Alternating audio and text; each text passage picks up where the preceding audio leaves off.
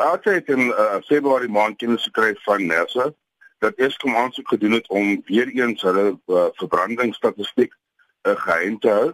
En uh, dit is iets wat ons nou afgelope 8 jaar vir geveg het om meer deursigtigheid te kry uit Eskom se ondernemings. Ons is baie teleurgestel dat Eskom weer hierdie aansoek gedoen het om die goed uh, geheim te hou en ons het daai aansoek teen gestaan op skrift en ons het ook terselfdertyd vir mense gesê kyk man ehm uh, uit die aard van die saak moet uh, behels dat hierdie aspekte dat almal aangeraak word in die land en ons vra vir 'n uh, openbare verhoor op hierdie aangeleentheid. Nou het ons gelyk gegee, maar ongelukkig het hulle so min kennis gegee dat min mense bewus is van uh, hierdie verhore wat Vrydag plaasvind. Vier dae kennis gegee, dis heeltemal ontoereikend. Maar die aard van die saak is ons Vrydag daar wees en ons vra die publiek om saam met ons daar te wees sodat ons weer eens hierdie Gupta's diersteenkool verbranding kan teenstaan. Uit die aard van die saak lei die statistieke dat die Gupta kole meer as 2 keer duurder is as die ander steenkool wat Eskom kan gebruik.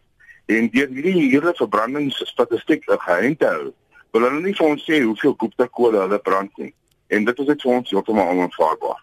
Die openbare verhore is uit die aard van die saak oop vir die publiek, maar waarom is eh, die bekendmaking van hierdie statistiek van Eskom so belangrik?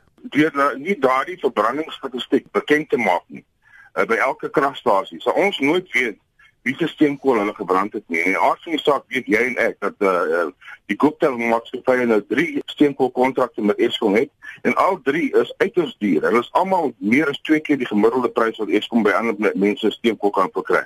So uit die aard van die saak is hulle aanhou om hierdie statistiek geheim te hou. Gaan ons eers oor 'n jaar se tyd uitvind hoeveel van hierdie duur steenkool hulle verbrand het. En dan gaan ons gaan hulle weer geld uit ons sakke uitjaag.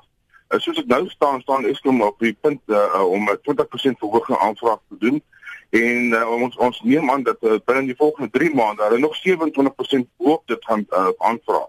So dit is 50% kragverhogings sonder die Gupta kole. As die Gupta kole nog inkom, dan praat ons van nog 'n groter verhoging.